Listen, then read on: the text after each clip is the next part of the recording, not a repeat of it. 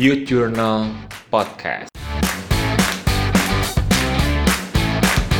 Oke, hello Youthers, welcome to Youth Journal Podcast. Where everybody can learn from everybody Balik lagi bareng gue William. dan gua Willem. Dan hari ini kita kedat- kedatangan tamu lagi nih ya Willem ya. Yap. Dua orang nih hari ini. Nah kebetulan ini teman lama gue. Yang satu, yang satu lagi sebenarnya teman satu organisasi di Atma Jaya gitu dulu. Mungkin boleh kenalan dulu kali ya satu Ade. Halo Ade. Hai, kabar? Oh, Baik. Oke. Ini jadi yang satu ini Ade, satu lagi Gio. Gio. Nah, jadi ada Ade dan Gio. Mereka ini seru banget sebenarnya karena mereka yang satu Gio ini studi exchange dari Jepang ya. Yes. Kalau misalkan Ade ini sekarang kuliah di Nagoya University. Nagoya. Kayak bahasa Indonesia.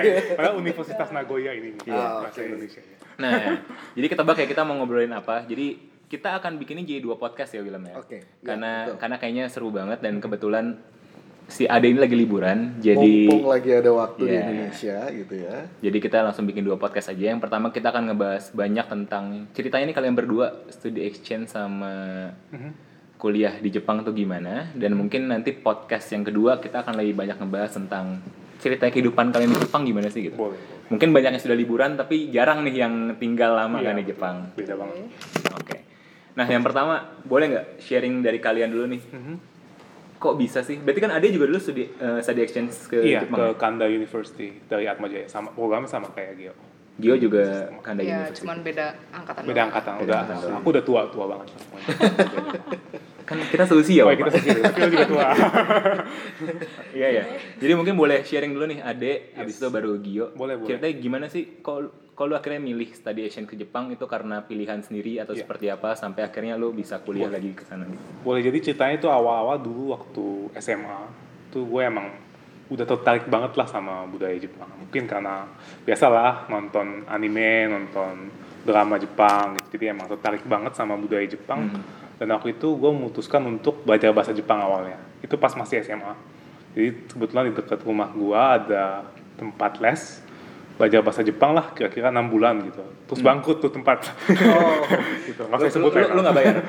bayar bayar bayar. bayar, udah bayar, udah bayar. untungnya udah bayar jadi masih oke lah nah terus masuk kuliah kayak ikut, ikut beberapa UKM juga ada UKM K3J namanya nah itu juga uh, singkatan dari kelompok kerja kebudayaan Jepang Hmm. dan emang gue tertarik banget kan sama Jepang dan gue juga akhirnya masuk kelas bahasa Jepang lagi di PPB pusat pengajaran bahasa di sini Di Atma Jaya ya. di Atma Jaya. Hmm. Iya, betul.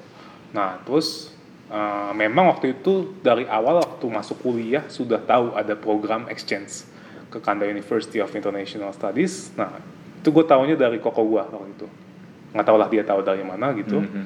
Gue dapet info dan kayaknya nggak terlalu susah juga gitu maksudnya untuk Study apply exchange. study exchange dan dapat beasiswa juga saat itu gitu. Jadi ya gue cobalah apply di semester ke tiga kalau nggak salah. Empat ya semester empat ya semester empat Mhm. semester empat apply. Jadi dia ada tahapannya seleksinya. Seleksinya itu yang pertama gue nggak tahu sih zaman Gio sama zaman gue sama atau enggak tapi kalau gue zaman dulu itu awalnya itu kita kasih dokumen seleksi dokumen. Cuma seleksi dokumen biasanya semuanya lulus. Yang daftar lulus. yang daftar lulus karena itu cuman cek requirement aja requirementnya masuk atau enggak requirementnya kalau nggak salah waktu itu IP minimal 3,3 kalau nggak salah 3,3 atau 3,2 lupa Oke. apa tiga gitu lupa nah terus eh, kalau nggak salah itu doang sih syaratnya kalau nggak salah ya cuma Apa apa apa? Apa ada IPK Bukan Bahasa? ini ya, apa sih sertifikat eh, Oh, iya. bahasa kalau memang ada. Ya, dia ada sertif ada ada requirement uh, untuk punya sertifikat bahasa Jepang. Jadi kalau sertifikat bahasa Jepang itu namanya JLPT. Hmm. Itu level terendahnya yang 5, level tertinggi yang satu. Itu kayak TOEFL gitu. Kayak TOEFL, cuman TOEFL kan nggak ada level ya, dia cuma skor aja kan, skor sampai akhir gitu kan. Kalau ini ada levelnya masing-masing dan waktu itu syaratnya punya minimal JLPT yang 5. Cuman itu yang paling rendah ya, level paling rendah. Nah, cuman kalau nggak salah, gua nggak tahu pas zaman Gio gimana, zaman gua itu nggak wajib. Jadi Oke. dia jadi banyak beberapa teman gue yang ikut juga dia nggak punya jalan N5 JLPT N5 waktu itu kebetulan gue punya N5 baru lulus juga waktu itu jadi gue apply dokumen seleksi waktu itu ada 13 orang Hmm. yang ikut terus eh, kita ada interview pertama Nah interview pertama itu sama alumni-alumni yang pernah ikut ke Kanda. Oke. Iya. Gue gak tau mungkin beda sama yang sekarang ya. Ada seleksi dari 13 orang itu kalau nggak salah keseleksi jadi enam orang atau tujuh gitu. Terus tujuh orang itu ikut interview lagi. Interviewnya itu sama dosen. Tapi lupa dosennya namanya siapa ya. Pokoknya dosen dari FKIP sih waktu itu. Hmm. Gitu. Dia kayak ada hubungan sama International Office. Oh ya, yang menyelenggarakan yang mengurus program ini dari International Office Atma Jaya Oke. gitu ya jadi dia ada pertukaran pelajar sih nggak cuma ke Jepang ke Korea ke Jerman juga kalau nggak salah gitu nah eh, seleksi terakhir interview akhirnya finalnya itu tiga orang Oke.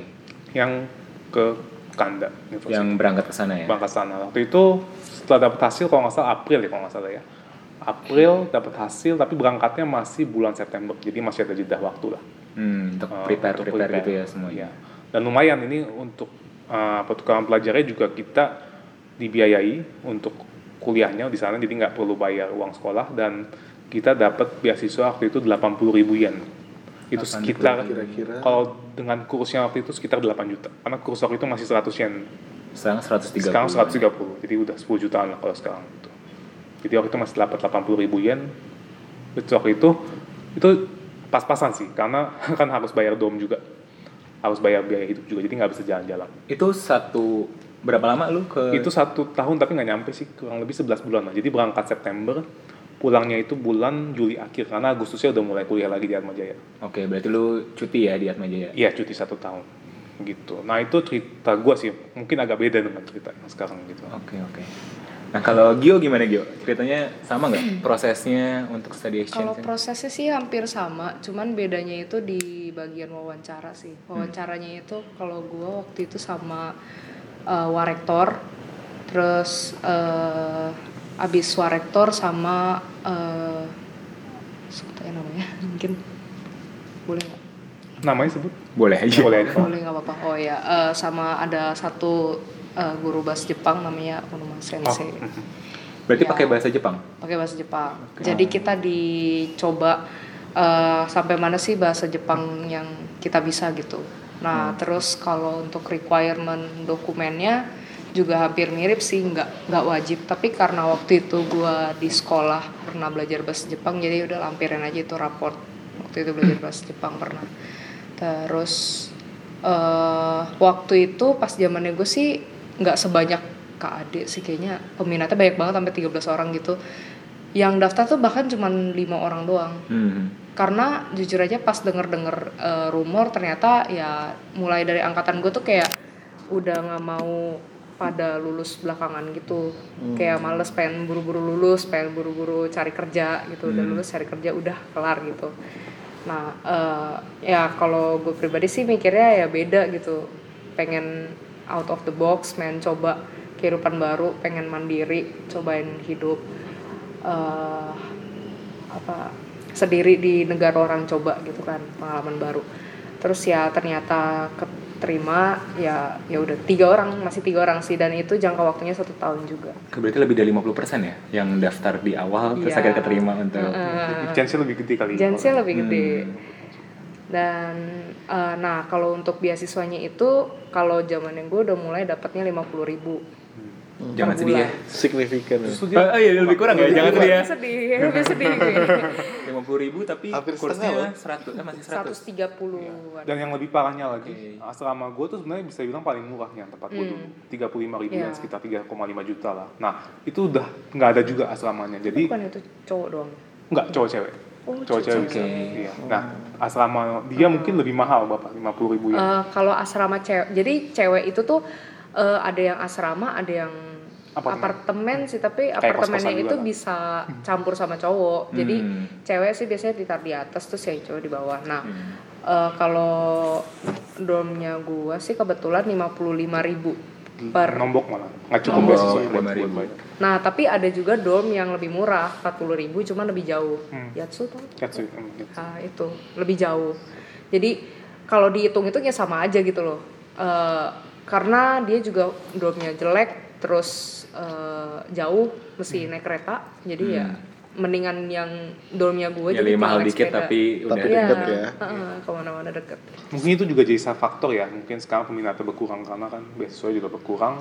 Ah, dari sisi, maksudnya dia harus nombokin dulu, jadi dia harus bawa uang dari Indonesia Hmm. cukup banyak gitu. Hmm. Kalau gue dulu udah nggak minta uang sama sekali dari auto, jadi benar-benar pure dari Cukup beasiswa. uang itu dari untuk Cukup cuman untuk biaya awal, untuk biaya hidup awal biasanya bawa dulu. Misalnya Oh, eh, iya, itu iya. gue bawa 200 ribu yen sih, 20 juta lah. Karena kita ada uang kunci, jadi Hmm. asrama pertama itu itu kan harganya 35 ribu tapi dibayar pertama itu kita harus bayar buat deposit sama uang kunci jadi Hmm. tiga kali lipat bayarnya tiga puluh ribu itu satu bulan. 35 ribu itu sebulan cuman um, biaya pertama untuk bayar pertama itu kita Hmm. harus bayar tiga kali lipat gitu. tapi nanti dibalikin di akhir cuman yang Deposito deposit doang. gitu ya? iya Eh deposit, iya. Deposit. deposit, Deposit, deposito, iya. deposit ya. enak banget ya. Iya, Kalau- jadi- kalau gue tuh nggak balik. Lima puluh lima ribunya itu nggak balik. Jadi iya sedih ya sakit ya. Jadi waktu waktu awal dapet kabar itu juga kayak hah serius gak balik agak sakit sih cuman Hmm. karena itu namanya bukan deposit jadi kayak ya ya udah salah salah pengertian udah seneng duluan soalnya Hmm. ternyata enggak nggak balik terus kayak eh, sama sih awalnya memang bawa harus agak banyak karena kita terima beasiswanya belakangan dua bulan nombok terus baru iya Kayak reimbursement gitu ya jatuhnya. ya tapi di bulan kedua langsung kaya Nah, gitu kan Iya langsung kaya benar. Tapi ya tapi dia lebih kepotong nggak sih? Dia tapi kepotong nggak sih di buku pelajaran? iya harus kita harus bayar buat Nah, buku kita pelajaran harus ubah. Gitu sih. Berarti itu dapetnya setiap bulan dapat dari. Iya. dapat ya Dapat. Tapi berarti ya cukup ke cover ya untuk untuk dom gitu-gitu ya walaupun kalau- Kalau gue sih Zaman sih kasusnya sih. agak kasihan sih anak-anaknya harus kerja Di eh, part-time. part time itu dua tempat palingan. Kalau lu mau hidup eh, agak mewah bisa beli barang gitu Hmm. tanpa agak orang hedon tua Mhm. itu ya harus dua Dua tem- tempat. dua tempat dan harus ekstra capek banget sih. part time jadi habis kelas part time gitu. Tambah lagi kita juga sebagai eh, orang asing gitu ada batasan waktu kerja di Jepang. Hmm. Jadi ada hukumnya itu nggak boleh lebih dari 28 jam seminggu. Seminggu. Sedangkan kita butuh duit kan. Jadi agak sulit juga gitu loh karena eh, di Jepang itu sistemnya itu gajinya masuk di bank kan. Iya masuk di Tapi Masuk 28 jam per minggu cukup lah maksudnya. Kalau dihitung-hitung itu 28 dikali Ya sih. anggap aja 4 ya, minggu. makanya kalau hedon 102 udah dapat 10 juta dapat lah kalau saya dia habisin. hmm, Boleh cerita nggak dulu part time-nya apa aja? Kalau gua sih pernah di dua tempat. eh itu yang satunya itu kayak izakaya tuh. Bisa kayak jadi kayak tempat minum-minum lah kalau di Jepang. Tempat Iya, kayak bar gitulah. Dan isinya ya bapak-bapak pada ngerokok, terus pada mabok gitu. lu pernah ke sana? Oh sering. Tapi gua nggak mampu. Dikit lah. Iya, jadi di izakaya itu sebenarnya katanya sih nggak disarankan untuk foreigner untuk kerja, terutama cewek karena agak bahaya. Karena ya banyak om-om mabok-mabok gitulah. Iya, iya. Dan gue juga sempet sih kayak di agak digenitin, cuman ya agak gimana gitu, agak karena waktu itu gue bahasa Jepang yang masih nggak gitu ngerti jadi kayak apaan sih nih orang nggak jelas? kayak gitu. Oh, nggak ngerti ya karena nggak ngerti jadi ya. nggak ngerti ini ngomong apaan sih? Terus kayak lihat oh ya dia emang udah mabok udah mukanya merah gitu. Itu cuman bertahan selama dua bulan karena asli jorok banget setengah mati. Karena itu tuh kerjaannya nyuci piring kan. Hmm. dan itu tuh dia nggak sediain eh, sarung tangan. Pakai mesin.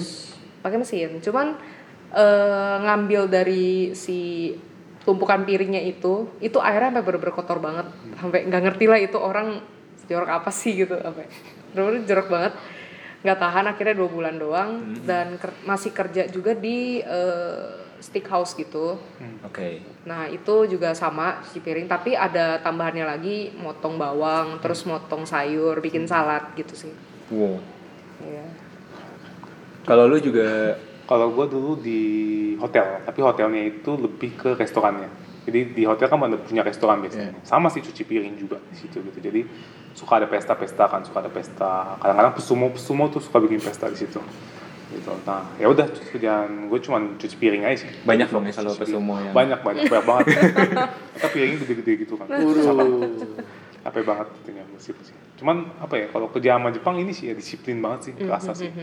Mereka nggak akan biarin kita gabut jadi mungkin karena Bener mungkin karena bayarnya per jam kali ya mungkin Oke. karena dibayar per jam jadi mereka memanfaatkan Semaksimal mungkin. semaksimal Ah. mungkin jadi seandainya kita gabut nggak ada kerjaan pasti dikasih kerjaan lain kayak saya nyuci kulkas atau bersihin kulkas atau Apa pun lah ya, yang apa pun lah kerja pokoknya. ya. Iya, Iya. kayak gitu sih gitu. Dan bahkan gue nggak jarang banget kalau sepi HP disuruh pulang.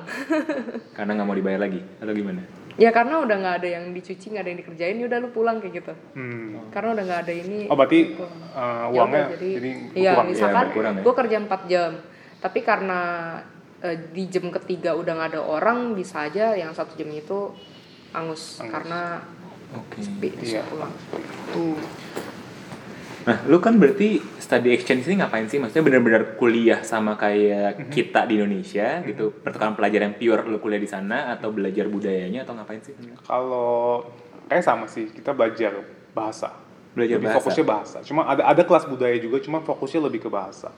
Gitu. Jadi kita du satu tahun itu ya fokusnya benar-benar belajar ke bahasa Jepangnya aja. Gitu. Jadi kelasnya kelas bahasa juga. Dan ada level-levelnya. Hmm. gitu. Jadi kita masuk ke sana ada placement testnya kita diukur sampai level berapa ya udah kita masuk ke kelas itu nanti di semester berikutnya ada placement test lagi masih sama kan ya placement Hmm, test lagi sama. kalau misalnya lu bisa bagus gitu ya bahasa Jepangnya kemampuannya meningkat pesat bisa loncat level Oke. gitu, kayak gitu. jadi tapi bener-bener fokusnya belajar bahasa Jepang aja paling ada kelas-kelas tambahan kayak apa sih culture gitu ada kali ya kayak itu pilihan modern ya pilihan kayak Heeh. lebih kelas Jadi pilihan ada kelas yang eh, kita kan memang belajarnya bahasa Jepang dan kita kayak emang udah tinggal di Jepang ya pasti sehari-hari ketemu bahasa Mhm. orang orang Jepang gitu kan. Eh, jadi itu eh, kita disuruh pilih ti- waktu itu gue sempet dua waktu itu tapi pas semester berikutnya jadi tiga harus pilih tiga Eh, itu tuh pilihannya ada yang mau fokus ke bahasa Jepang jadi bahasa pengantaran bahasa Jepang atau eh, bahasa Inggris Oh, iya. jadi nanti di kalau misalnya pilihnya bahasa Inggris itu biasanya kayak bisnis terus eh, multicultural gitu-gitu sih dan biasanya di tugas akhirnya itu disuruh bikin laporan pakai bahasa Inggris Hmm, itu oke. Iya. itu final projectnya yang kalau kelas bahasa Inggris nah kalau misalnya yang kelas bahasa Jepang eh, bahasa Jepang kayak harus misalkan tinggi level tapi kan kalau bahasa Jepang setahu aku Hmm. karena dia kelas bahasa pengantarnya kan bahasa Jepang jadi Iya, dia jadi- punya standar minimal Uh-uh. harus level berapa Baru Iya. boleh ikut Jadi ada beberapa mata kuliah pilihan yang eh, satu dari level 1 sampai level 4 atau dari level 1 sampai level 3. Jadi eh, si gurunya ini nanti menyesuaikan bahasa Hmm. Jepang itu harus disesuaikan sama anak-anaknya. Oke, karena mereka udah tahu ya kalau level segini Iya. tuh Iya, kemampuannya gimana. segini. Iya. Bahkan kadang biasanya sih yang kasihan yang level 1 kan. Maksudnya kalau ketika saya ngomongnya terlalu cepet dia pasti beng- bengong gitu loh ngomong apaan kayak gitu. Eh, jadi akhirnya kadang-kadang saya saya juga pakai bahasa Inggris tapi ya cuman kasih kata kuncinya aja. Iya, di mix lah ya, Iya, Inggris iya. Jepang. tim mix ya tapi ya tetap mereka dipaksain untuk bisa ngerti bahasa Jepang sih betul Oke. Berarti memang studi exchange ini setahun fokusnya adalah untuk belajar bahasa, bahasa Jepang. Jepang. Kalau kelasnya itu sih, cuma kita di situ mungkin kayak sebagai duta Indonesia juga. Jadi kan jadi Kanda University of International Studies ini kan sekolah bahasa. Hmm. Nah, dia tuh punya tempat khusus. Jadi ada ada fakultas bahasa Indonesia juga di sana. Oh, Ya, gitu. iya, Ya, iya. jadi Hmm. Kayak mereka tuh punya apa ya? Kayak rumah rumah masing-masing untuk kalau di sini kayak sekre lah ya, kayak mirip sekre mungkin. gitu lah. jadi ada satu gedung Di satu gedung lantai dua. lantai dua dia ada macam-macam ada rumah Indonesia ada rumah Thailand ada rumah Vietnam Satu hall Brazil, itu- satu hall itu. Korea. Keren. nah kita di sini tugasnya itu ya kita ada jadwal piket juga ya mesti datang ke sana jam berapa gitu nanti ya ngobrol aja sama mereka gitu. Mereka kan juga belajar bahasa Indonesia. Jadi kayak petu, bener-bener pertukaran budaya banget gitu. Jadi kita bisa latihan bahasa Jepang juga mereka juga bisa baca bahasa Indonesia. Nah menurut gue ini kelebihan universitas ini sih dibanding kalau misalnya lu sekolah bahasa Jepang di Tempat uh, lain. tempat lain. Karena kalau lu sekolah bahasa Jepang di tempat lain chance lu buat ketemu orang Jepang itu kecil. Karena orang-orangnya orang asing semua di situ yang belajar bahasa Jepang. Hmm. jadi lu nggak punya kesempatan buat melatih bahasa Jepang. Kalau di sini ya udah lu ketemu mau nggak mau kan ketemunya sama orang Jepang dan mereka juga tertarik dengan Indonesia jadi enak gitu ngomong ngobrolnya Tapi seberapa antusias orang Jepang itu untuk belajar bahasa Indonesia? Maksud gue, ini rumah Indonesia tuh emang untuk orang-orang Indonesia aja. ya untuk fakultas uh, Indonesia. Jadi untuk uh, orang-orang Jepang yang dia fakultasnya fakultas bahasa Indonesia. Ada. ada. Jurusan bahasa Indonesia. Gimana ya? Pas zamannya gue sih eh jadi di Kanda itu kan banyak eh, jurusan lain ada yang international communication Nah, yang interna international communication itu dia eh, ada mata kuliah dia bisa ngambil bahasa Indonesia Oh, iya, atau bahasa lain Hmm, gitu. bahasa lain. Jadi dia kan bahasa utamanya Inggris. Tapi dia bisa ngambil bahasa yang lain. Misalkan dia mau ngambil bahasa Portugal boleh. Ngambil bahasa Spanyol boleh kayak Hmm. gitu. Nah, ada beberapa yang ngambil bahasa Indonesia, ya udah dia sering main ke Ah, iya, iya. kita. Sama kok, Oke, sama. Untuk belajar juga. Iya. seru sih enak maksudnya jadi kita lebih banyak chance buat ngobrol sama orang Jepang Iya. juga dan Jepang juga tertarik sama kita kan jadi Iya, lebih iya. enak Yang berarti tadi kalian berdua bilang ya kalau misalkan ke Jepang konsekuensinya adalah kalian harus cuti setahun ya dari Betul. dari kuliah. Lalu juga untuk Gio terutamanya harus nombok ya berarti harus harus kerja, kerja. Rodi lebih keras lagi. Tapi gimana sih eh, experience kalian di sana maksudnya kalau kalian disuruh balik lagi gitu ya ke masa di mana kalian akan memilih untuk "Oh, udah gue gua kuliah aja fokus 4 tahun atau gue akan memilih untuk study exchange kalian akan milih apa dan kenapa?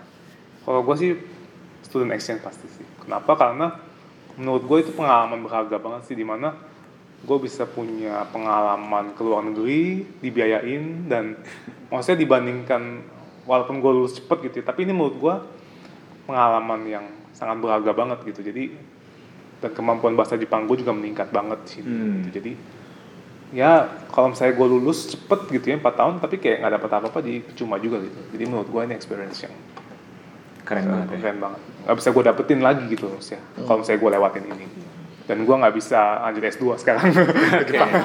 Nanti kita akan bahas itu ya. Lu gimana? Gue sih mirip ya. Eh, ya jujur aja memang keinginan mau ke Jepang itu emang dari kecil gitu kan dari Oke. pengaruh dari bokap sih sebenarnya. Jadi bokap itu pernah rantau di Jepang selama Oh, tiga tahun. Jadi wow. gue cukup dapat doktrin ya dari bokap yang saya bilang eh, kalau di Jepang tuh aman loh, cewek-ceweknya aman loh, nggak diapa-apain sama orang gitu. Terus orang-orang Jepang tuh baik loh, bla bla bla bla. Akhirnya suka dan kebawa sama lingkungan juga maksudnya kayak anim gitulah, anim. Ya thanks to Naruto gitu yang lain-lainnya gitu kan. yang bisa mendekatkan saya menambah minat gue untuk bisa belajar bahasa Jepang. Terus eh, ya benar-benar berharga banget sih. Dan benar juga yang dikatakan Kak Ade kayak kalau misalnya gue lulus 4 tahun ya CV gue kayaknya ya udah lulus 4 tahun kayak gitu biasa. Tapi Nggak ada ya?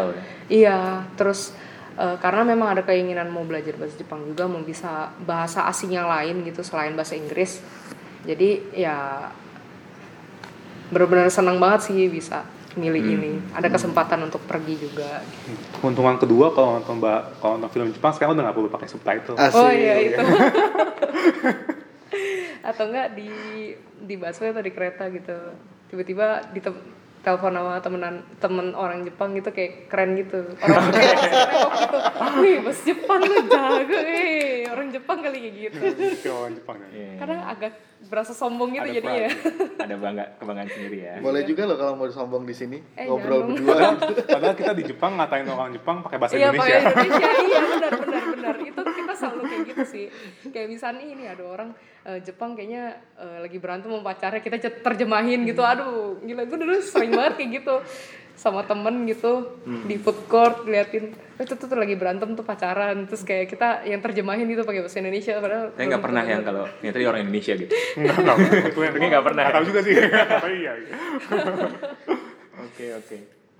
Jadi menarik ya berarti ya eh, pengalaman kalian eh, study study exchange di Jepang dan kayaknya karena kalian berdua memang dari awalnya udah suka ya dengan Dengan dengan, budaya Jepang. Jepang. Karena gue juga ingat Willem dulu kita ada apa kuliah PBM ya waktu itu ya perilaku belajar Oke. manusia. Oh iya ada ada ada. Iya kan. Dan waktu itu tuh gue kan kita harus belajar, kita harus belajar hal baru yang belum pernah kita ngerti sebelumnya. Nanti pakai konsep-konsep psikologi gitu. Wih. Nah akhirnya gue memutuskan untuk belajar bahasa Jepang karena ada adek. Oh iya belajar bahasa Jepang. Oh iya benar Iya, iya. benar benar benar.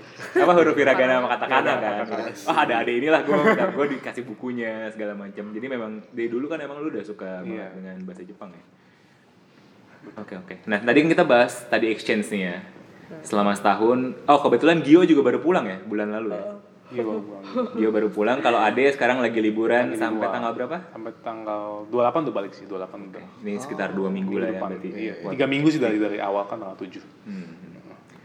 Nah, sekarang kita mau lanjut nih ke hal yang lebih seru kan tadi kita ngomong study exchange ya. Iya. Sekarang ini pengalamannya Ade kan berarti kuliah lagi nih memutuskan kuliah lagi S2 S2 ya. S2. sekarang?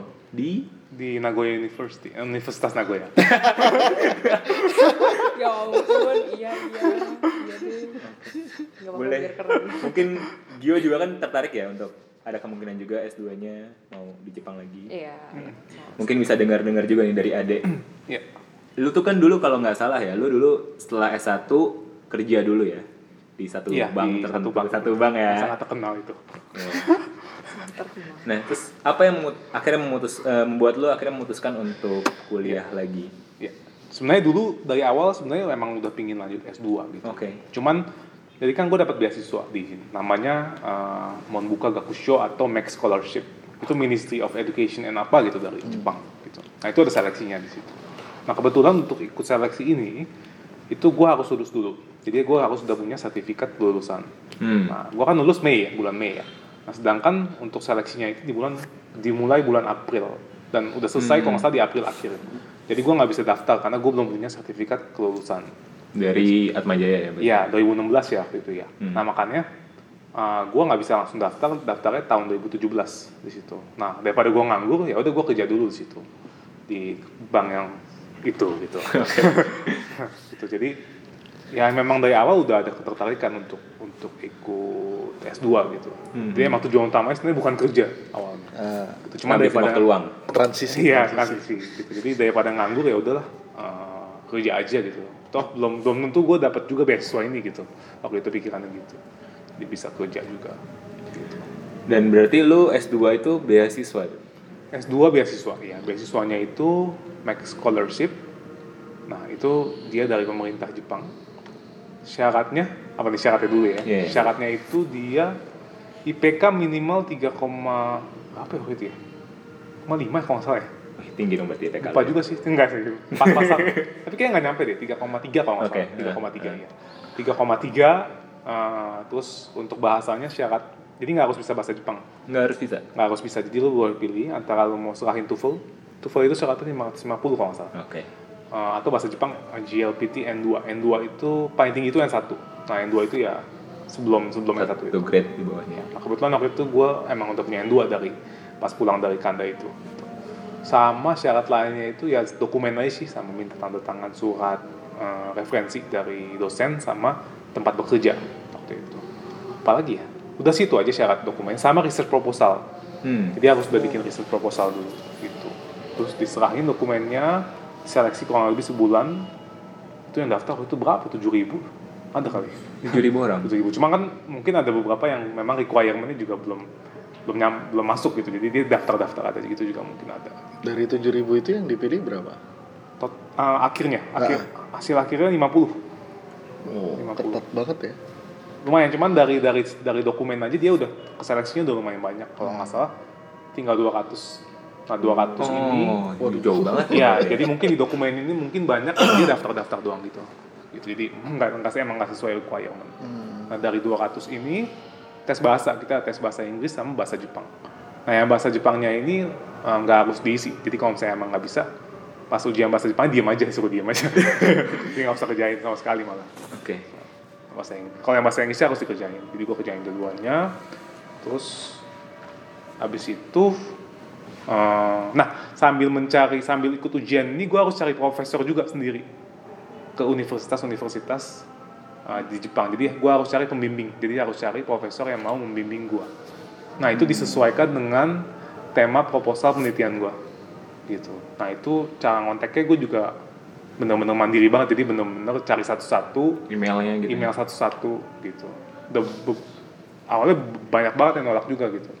Yang nolak emang karena temanya nggak cocok atau emang labnya udah penuh biasanya. Modelnya kayak S3 berarti ya, nyari Iya. promotor. Promotor, gitu. promotor. Promotor ya nyari promotor gitu. Itu tuh sebelum sebelum lu akhirnya diterima Mhm. atau sudah lu terima baru lu sebenarnya jadi gini tahapnya itu kan dia dokumen terus uh, tes bahasa interview nah habis interview itu kita masih punya waktu sebulan sebenarnya buat nyari profesor yang menerima kita jadi kita mesti minta namanya uh, LOA letter of acceptance dari universitas tersebut gitu cuman sebulan itu sebenarnya bisa dibilang nggak cukup Itu karena kita harus kontak sendiri, belum tentu Hmm. diokein juga gitu. Jadi lebih baik kita udah kontak dari sebelum kita diterima atau enggak gitu. Jadi sebenarnya kita udah jawab jawaban, proposal kita oke dengan dia. Nah, nanti ketika kita udah lulus Monbu, apa seleksi Monbusho ini kita tinggal minta LOA sama dia. Oke. Jadi lebih gampang prosesnya. Dibanding kalau baru lulus, baru minta LOA itu agak ini sih agak risky sih soalnya belum tentu Belum itu- tentu doi mau Iya, juga belum ya? tentu doi mau juga dan emang prosesnya agak panjang juga. Gitu. Jadi gue udah mulai nyari itu pas tuh tahu lulus tes bahasa. Oke. Iya. Eh tes dokumen malah dari tes dokumen udah lulus, gue udah mulai nyari. profesor. Meskipun belum tentu masuk juga gitu. belum tentu masuk juga betul. Jadi kita emang udah bilang dari awal kalau kita masih dalam proses seleksi gitu ke profesornya gitu. Jadi profesornya nggak harus di universitas di mana lu masuk atau gimana? Uh, profesornya itu nanti jadi kita di, kita punya tiga tiga pilihan tiga pilihan kampus jadi sebisa mungkin sih nyari tiga tiganya jadi Oh, kita dapat oke. tiga kampus nah kita tinggal pilih nanti prioritas pertama yang mana dua yang mana tiga yang mana karena setelah final Monbusho setelah kita tahu kita lulus itu belum final. Aneh ya final tapi belum final. Jadi jadi bulan Juli itu udah dapat hasilnya. Nah bulan Desember itu bener-bener finalnya. Jadi ada seleksi lagi dari Jepangnya langsung. Jadi dilihat uh, mungkin harga kampusnya mahal atau enggak. Terus uh, emang sesuai sama enggak. Sama, requirement kita atau enggak kayak gitu. Tapi kemungkinan yang udah lulus itu lulus di seleksi ma- max itu pasti lulus di yang Desember itu kemungkinan besar asal dia memang dapat universitas gitu Oke. Jadi, mu- pi- iya ya. jadi pilih tiga kampus itu, misalnya gue pilih Nagoya University, nomor duanya apa, nomor tiganya apa. Belum tentu gue dapet Nagoya University, bisa aja ternyata setelah dilihat kampus ini mahal misalnya, ya udah dipindahin ke kampus yang lain. Gitu. Jadi lebih lebih aman dapet tiga. Nah mungkin yang banyak orang mau tahu nih, kan berarti lu beasiswa ya. Iya. Nah itu laki selalu dapat, lu dapat Nagoya University. Boleh tau gak sih beasiswanya tuh mengcover semuanya atau enggak sih? Atau Yes. kayak ini nih, kayak Gio tadi, harus nombok juga. Nah, Tenang. nah, pokoknya dapat beasiswa ini dijamin Bahagia. bahagia. Gak usah kerja, kalau tapi lu bisa kerja juga gitu, nambah-nambah uang gitu. Nah, uang per bulannya itu yang diberikan itu sebesar 147 ribu yen. Atau kalau dalam rupiah sekarang sekitar 17 juta. Uh, Ya, itu cukup banget untuk hidup di Jepang. Jadi eh, apartemen sih bayar sendiri ya, cuman eh, dari 147 ribu anggap Cukup aja lah ya. cukup lah anggapnya 47 ribu buat apartemen, lima puluh ribu buat biaya hidup, masih bisa nabung 50 ribu, bisa foya-foya. Bisa foya-foya, bisa nabung tinggal pilih sih, maksudnya mau nabung. jadi sambil belajar kayak lu digaji juga gitu kan? Iya digaji juga dan lu bisa part time juga. Jadi bayangin lu udah punya 147 ribu tambah part time anggap aja part time sebentar lah anggap aja 50 ribu yen per, per bulan. Itu udah 197 ribu, which is udah 20 juta. 20 Itu jutaan. sama dengan gaji standar uh, fresh grade di sana di Jepang. Oke. Jadi udah lumayan banget sih dari situ bisa nabung. Berarti pulang-pulang beli rumah ya? Pulang-pulang ya amin lah. Oke, nyicil juga sih kayaknya. Berarti lumayan banget ya beasiswa lumayan nanti ini. lumayan lumayan banget gitu jadi bahkan lu nggak kerja pun nggak masalah gitu maksudnya emang fokus di belajar doang pun udah bahagia gitu Hmm. apalagi iya itu itu sih lebih gede banget 147 ribu gede sih Oke, nah ini mungkin karena sudah mau 40 menit nih, mungkin pertanyaan terakhir buat Gio dan Oh, buat Ade, dua-duanya sih. Kan kalian berarti pernah punya pengalaman belajar dan kuliah di Jepang nih ya? Iya. Gue mau tahu dong, menurut kalian ada nggak sih bedanya sama kuliah di Indonesia atau kayaknya lebih berat di Jepang atau justru Indonesia lebih berat gitu? yes dari gue dulu mungkin. Kalau dibandingin sama pengalaman student exchange kayaknya eh, mirip ya. Karena eh, kalau kalau gue lihat dari Atma Jaya dan dari si kandanya itu orang Jepangnya sendiri itu disibukkan dengan part time-nya mereka sendiri, jadinya makin sibuk juga. Dan mereka tuh ternyata SKS-nya itu kalau di Indonesia kan satu SKS 50 menit. Kalau mereka tuh satu SKS itu yang dari eh, misalnya dari eh, kelas dari jam 9 sampai jam 10.40 itu satu SKS Oh. mereka. Jadi Satu kelas, kayak. Satu uh, uh, jadi itu kayak menurut gua sih cukup berat di mereka karena uh, mereka benar-benar strict dibagi 5 term eh, 9 sampai 10.40 terus eh Jadi jam ya? pelajarannya udah tetap gitu misalnya jam pertama, jam kedua, jam 10. ketiga. Kalau sini kan 10.30 deh. kita 4 SKS mau dari jam berapapun nggak Ah, masalah kan. iya. Kalau sana udah udah jelas dari jam pertama jam berapa sampai jam berapa, jam kedua jam berapa sampai jam berapa. Lebih Dan kayak sekolah ya. Iya. Iya, mirip sekolah, Dan betul. ada bel juga, jadi kayak Oh, iya, di ada pertama kali loh kok kayak sekolah gitu lucu juga sih. Di Nagoya Nah, nggak ada sih. Tapi Oh, ya, iya. di. Oke, itu perbedaan. Eh, terus yang pasti sih jam 12 itu semuanya istirahat makan siang. Terus eh, mulai lagi jam jam 1 jam 1 lewat 10 terus udah eh, tiga term paling terakhir tuh sampai jam 6 Hmm. sore. Nah, itu biasanya udah nggak ada kelas lagi. Sedangkan kalau di Atma kan kayaknya masih ada tuh yang masih kelas jam 6 gitu kan baru mulai gitu kan teman-teman kita mungkin anak ekonomi mungkin ada kan yang sampai jam 9 gitu kan baru pulang. Eh ya paling gimana ya? Kalau soal berat pelajaran mungkin nggak tahu sih. Buat sini lah ya. Indonesia mungkin ya. Kalau Oh, iya. Ah, ah. karena kita Indonesia. pas Kanda itu kan cuma belajar bahasa Jepang which is Iya, empat. waktu Oh, iya, kalau karena dibandingin sama student gue exchange student ya. exchange ya. Jadi menurut gue, gue lihat oh orang Jepang iya dia berat di part time membagi waktu Hmm. buat dia part time, terus dia mesti perjalanan pulang lagi karena di sono tuh ya yang jarang yang naik motor gitu loh. sepeda. Ada yang naik motor atau naik sepeda tapi eh, jauh gitu loh. Ada yang naik sepeda dulu taruh sepeda di eh, Lanjut stasiun terus lagi. lanjut lagi gitu jauh banget gitu perjalanan mereka sedangkan kalau kita di Indonesia kan yaudah naik motor atau nggak naik mobil itu kan lebih lebih mudah sih Dan gitu Iya. itu, itu aja kan ya Iya, kalau dibanding student exchange sih memang lebih susah di Indonesia sih. Mungkin karena di student exchange kan kita cuma belajar bahasa Jepang. bahasa ya. Jadi kadang-kadang mungkin buat Gio malah mungkin lebih susah part time-nya ya. Lebih banyak waktu buat part time-nya ya. ya Maksudnya lebih lumayan lah hmm. Kayak kelas jadi kayak buat main aja. Nggak tahu sih kayak wow belajar bahasa Jepang which is kita pakai juga setiap hari gitu. Jadi ya ya udah gitu Malah ngobrol-ngobrol gitu-gitu ya. Iya, iya, malah ngomong-ngomong gitu, gitu. Cuman kalau dibanding sama yang sekarang yang di Nagoya University sih sama sih lebih susah Indonesia sih sebenarnya. Oh iya. Iya menurut gue ya, karena di sini lebih banyak tugas kelompok kalau menurut gue. Di sana pun, di sana S1-nya pun, gue kan beberapa ikut kelas S1.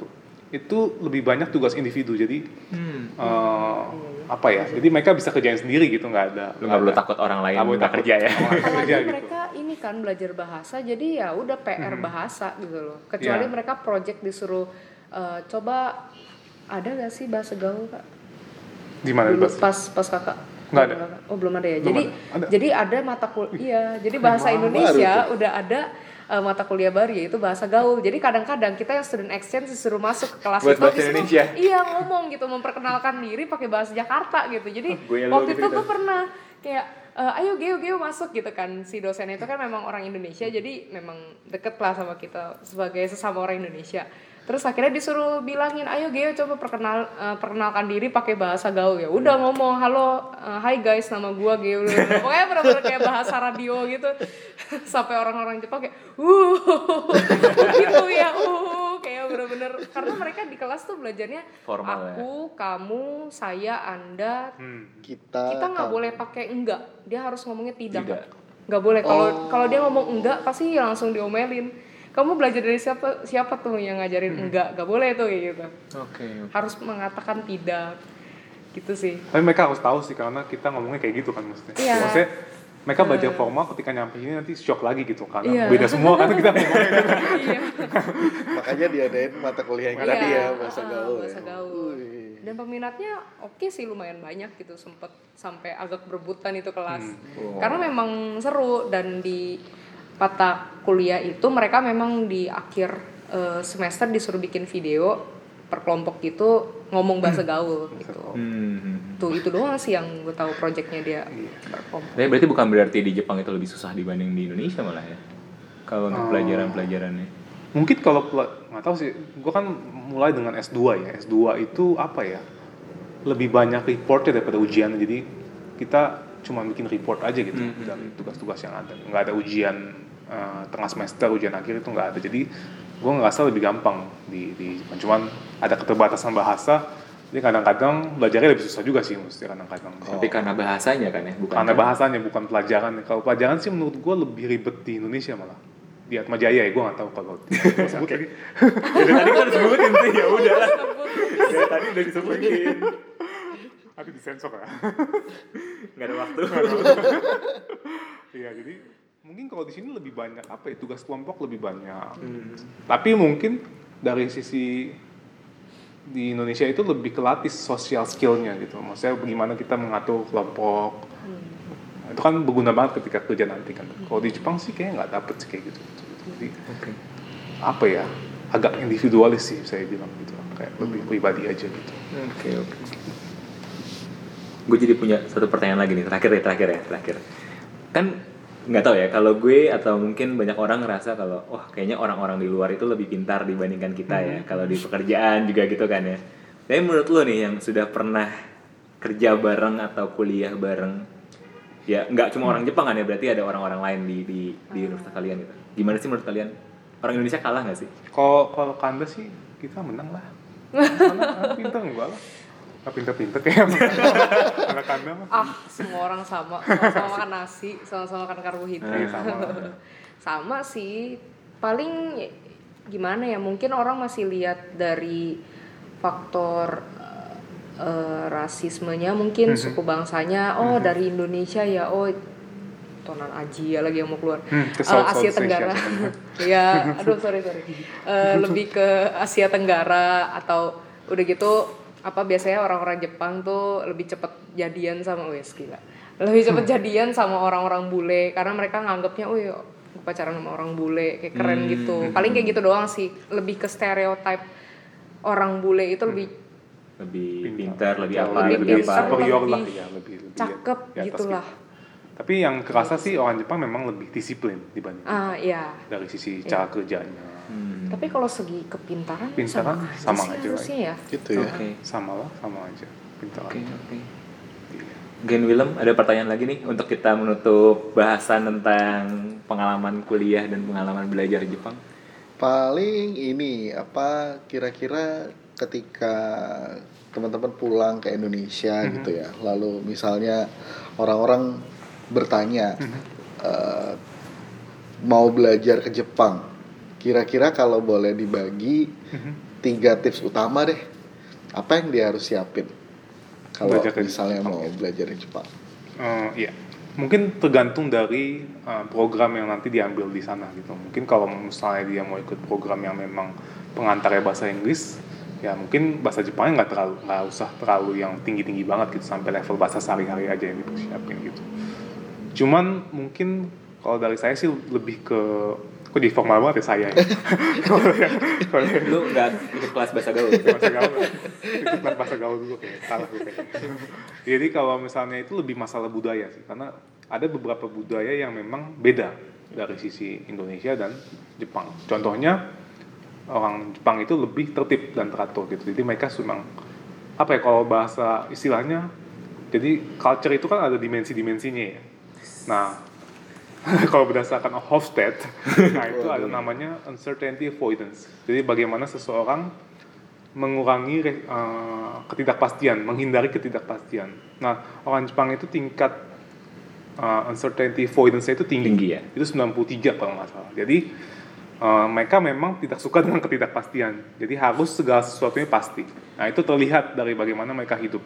Nah, contohnya eh, meeting datang tepat waktu, terus eh, transportasi itu tepat banget kan ya, time, on time on banget time. ya, gitu. kalau telat pun Kalau juga telat dikasih pun- tahu gitu. Ya dikasih tahu dan, dan kalau bahkan ada surat gitu ya dikasih surat jadi kita bisa kasih ke kantor gitu. Iya. Gitu. Dibandingkan dengan orang Indonesia kan kita lebih fleksibel mungkin bisa Kita dibilang lebih ya. slow, santai. Iya lebih slow, santai gitu.